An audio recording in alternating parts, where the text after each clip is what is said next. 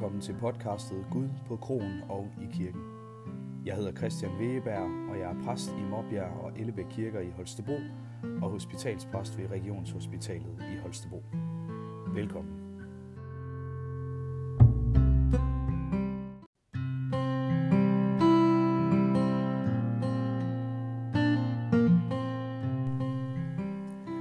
Lille juleaften sad jeg sammen med min familie i sofaen derhjemme.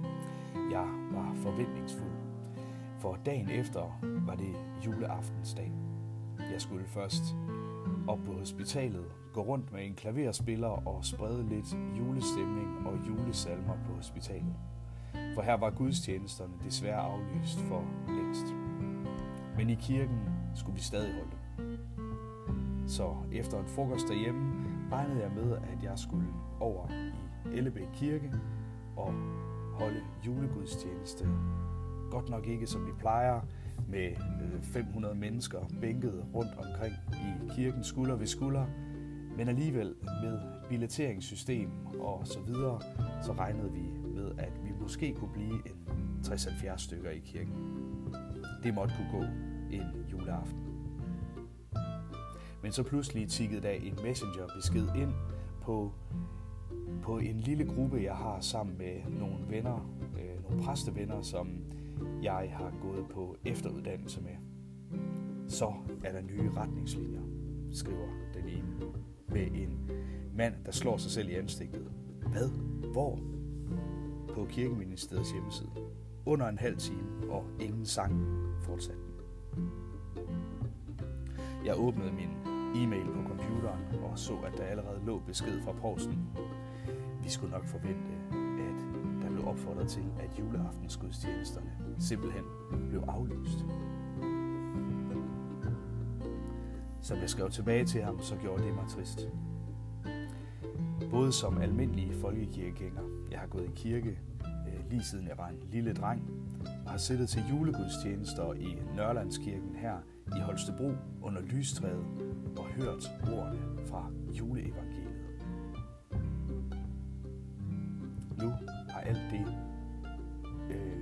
Nu, kom alt det til, ikke til at ske, ikke bare for mig, men for rigtig mange andre i hele landet.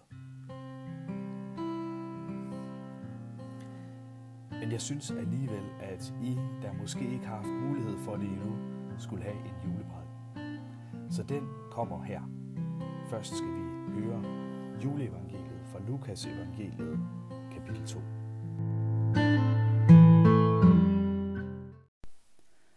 Og det skete i de dage, at der udgik en befaling fra kejser Augustus om at holde folketælling i hele verden.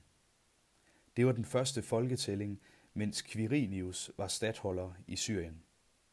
Og alle drog hen for at lade sig indskrive, hver til sin by. Også Josef drog op fra byen Nazareth i Galilea til Judæa, til Davids by, som hedder Bethlehem, fordi han var af Davids hus og slægt, for at lade sig indskrive sammen med Maria, sin forlovede, som ventede et barn. Og mens de var der, kom tiden, da hun skulle føde. Og hun fødte sin søn, den første fødte, og svøbte ham og lagde ham i en krybbe, for der var ikke plads til dem i herberget. I den samme egen var der hyrder, som lå ude på marken og holdt nattevagt over deres jord. Da stod Herrens engel for dem, og Herrens herlighed strålede om dem, og de blev grebet af stor frygt. Men englen sagde til dem, Frygt ikke. Se, jeg forkynder jer en stor glæde, som skal være for hele folket. I dag er der født jer en frelser i Davids by.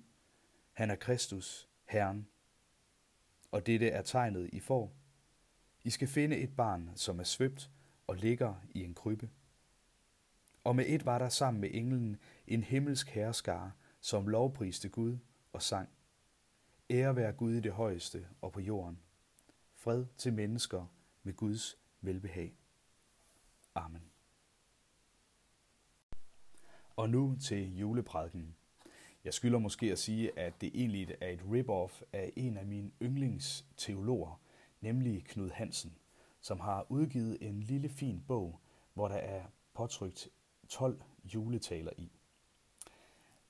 Knud Hansen var forstander på Askov Højskole i en halv menneskealder og har skrevet mange fantastiske ting om kristendom og tro. Men nu til prædiken. Det er et mærkeligt år, vi er på vej ud af. Corona har gjort det mærkeligt. Det har ændret mange ting, og det har i hvert fald påvist én ting. Vi som mennesker har en tydelig evne til at lukke os, øh, lukke, lukker os om os selv eller være åbne for hinanden. I foråret så vi alle pludselig ned, når vi mødte hinanden på stien. Vi gik forbi hinanden med ryggen til i supermarkedet, så vi, skulle on, så vi ikke skulle ånde hinanden ind i hovedet. Og senere kom mundbindene, og det gjorde det bestemt ikke bedre. Pludselig kunne vi nu gå forbi mennesker, som vi kender, fordi vi næsten ikke kunne se, at det var dem, bag visir, mundbind og dukkede briller. Vi giver ikke hånd eller knus. Jeg har faktisk vendet mig til det nu. Det har I sikkert også, og det piner mig. For den fysiske kontakt mellem mennesker er sådan en 100-årig tradition, der begynder og afslutter det menneskelige møde. Vi fjerner os fra hinanden fysisk, og måske også mentalt. For hvad gør det egentlig ved os mennesker og ved et samfund, når vi fjerner os fra hinanden fysisk? Det badmintonhold, min søn spiller på, er stadig ikke fyldt. Og tidligere der måtte vi sådan sidde klar ved computeren inden sommerferien, når den online tilmelding begyndte. Ellers var det ganske enkelt for sent at få en plads. Og mange steder i samfundet er tendensen siden foråret, at vi lukker os mere om os selv. Det er selvfølgelig på grund af smitten. Men den lukken om os selv smitter måske af på en anden måde. Det er trist. For vi mennesker, vi næres af at se hinanden i øjnene, af nærvær, omsorg, smil og berøring.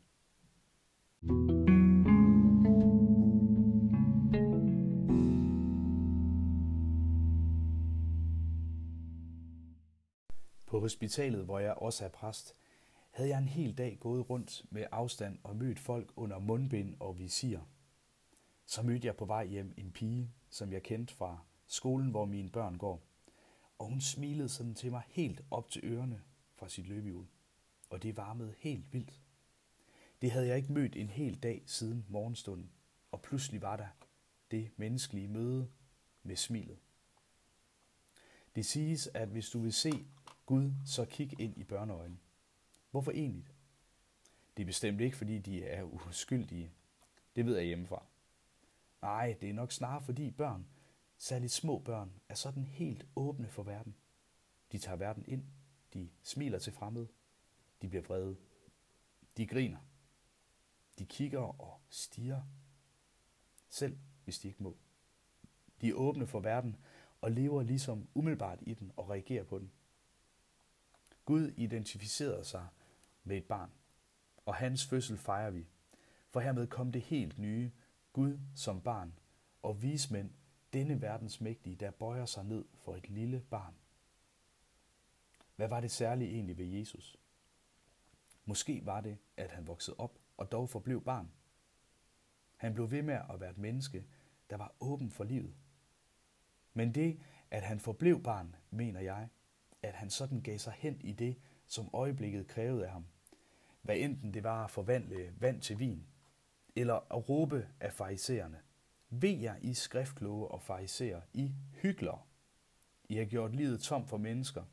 Det havde været bedre for jer, om I havde fået en møllesten hængt om jeres hals, og I var blevet sænket på havets bund. Jesus var ubarmhjertig, når mennesker gjorde livet til fængsler for hinanden, og altid barmhjertig, når et menneske trængte til hans hjælp. Alt, der mødte ham, hvad enten det var sorg, eller fest, eller glæder. Om det var fromme fariserer eller ydmyge toller, en lam på en borger eller gæster ved et bryllup. Han passede aldrig sig selv og gik forbi. Alting var så virkeligt for ham, at det krævede hans liv. Og der var han, og han viste os fuldstændig Guds sindelag over for os.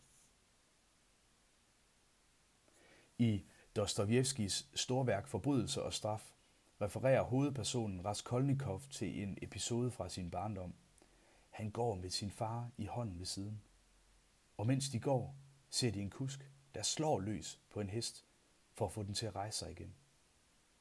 Hans far ser det, men kigger den anden vej og siger, kom, lad os gå til sønnen.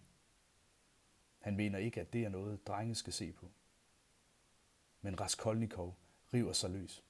Han farer ind i mængden og omfavner hestens blodige hoved og kysser det. Så vender han sig om med knyttede næver og slår løs på kusken, der har forsaget alt det. For drengen, han tog virkeligheden ind under huden. Han forblev som barn. Han handlede. Situationen greb ham. Han handlede i sin åbenhed. Han var åben over for virkeligheden og lod sig berøre af den, og så, hvad den krævede af ham. Dermed er det næsten en lille Jesus-fortælling om mennesket, der sætter sig op imod i uretfærdigheden, fordi situationen griber ham. Der var noget, der satte sig igennem i ham. Det noget var Guds nærværet. Det var det, han lyttede til hele sit liv. Det var det, der satte sig igennem i ham. Det gør vi mennesker nok ikke så ofte. Vi kan hurtigt blive optaget af vores egne problemer og vanskeligheder, så de ligesom bliver det hele.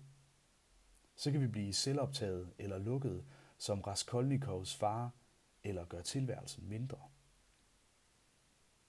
Så kan vi mennesker rette vores opmærksomhed imod, hvordan vi kan presse noget ud af alle andre forhold til fordel for os selv, eller lede efter noget, der kan give os magt over hinanden. Jesus han gjorde det stik modsatte. Han var til stede i sin barnlighed, og dermed viste han os Guds væren til over for os. Og det er julens nybrud. Et nybrud, at vi kommer ikke ud af os selv, og vi overlades ikke til os selv. Der er en Gud, der handler i vores virkelighed. Der er en Gud, der tænder lys i mørket for dig, der hvor du er, hvordan du end har det. Du er ikke alene. Den magt, der er til, hvad i alt, hvad der er til, er til hos dig og i dig. Og den magt ser vi helt og holdent i Jesus. Hans barmhjertighed, hans tillid og kærlighed og mod viser os det sind, som den almægtige har over for os. Og samtidig viste han os, hvad det sande menneske er. For mennesket finder ikke hvile ved at lukke sig inde i sig selv, men ved at være åben over for den verden, der omgiver os. Vær åben for hinanden og have mod til at handle, som Raskolnikov i forbrydelse og straf. Så trods mundbind, afstand og håndsprit. Lad os gå ud i tilværelsen som Raskolnikov, der lod sig berøre af, der lod sig berøre af den og ikke fjerne os og skærme os fra den. Lad os gå ud som børn, som Jesus gjorde hele sit liv. Åben for verden. Åben for at tage den ind og tage andre mennesker ind. At lade sig berøre og handle på det, som Jesus gjorde. Den Gud, der var og er menneske, og viste os, hvem Gud er.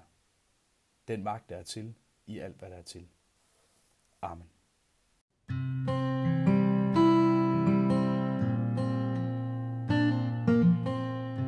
Det var det for det forsinkede juleafsnit her på podcastet Gud på Kron og.